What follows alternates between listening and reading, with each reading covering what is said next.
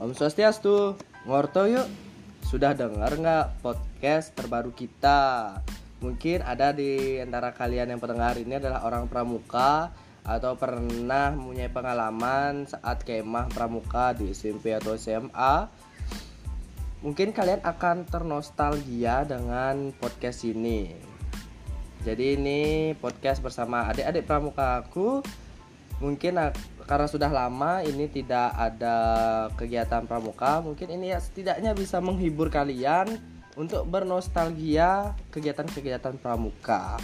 Jadi dengar ya di Ngortoyuk Kangen Pramuka.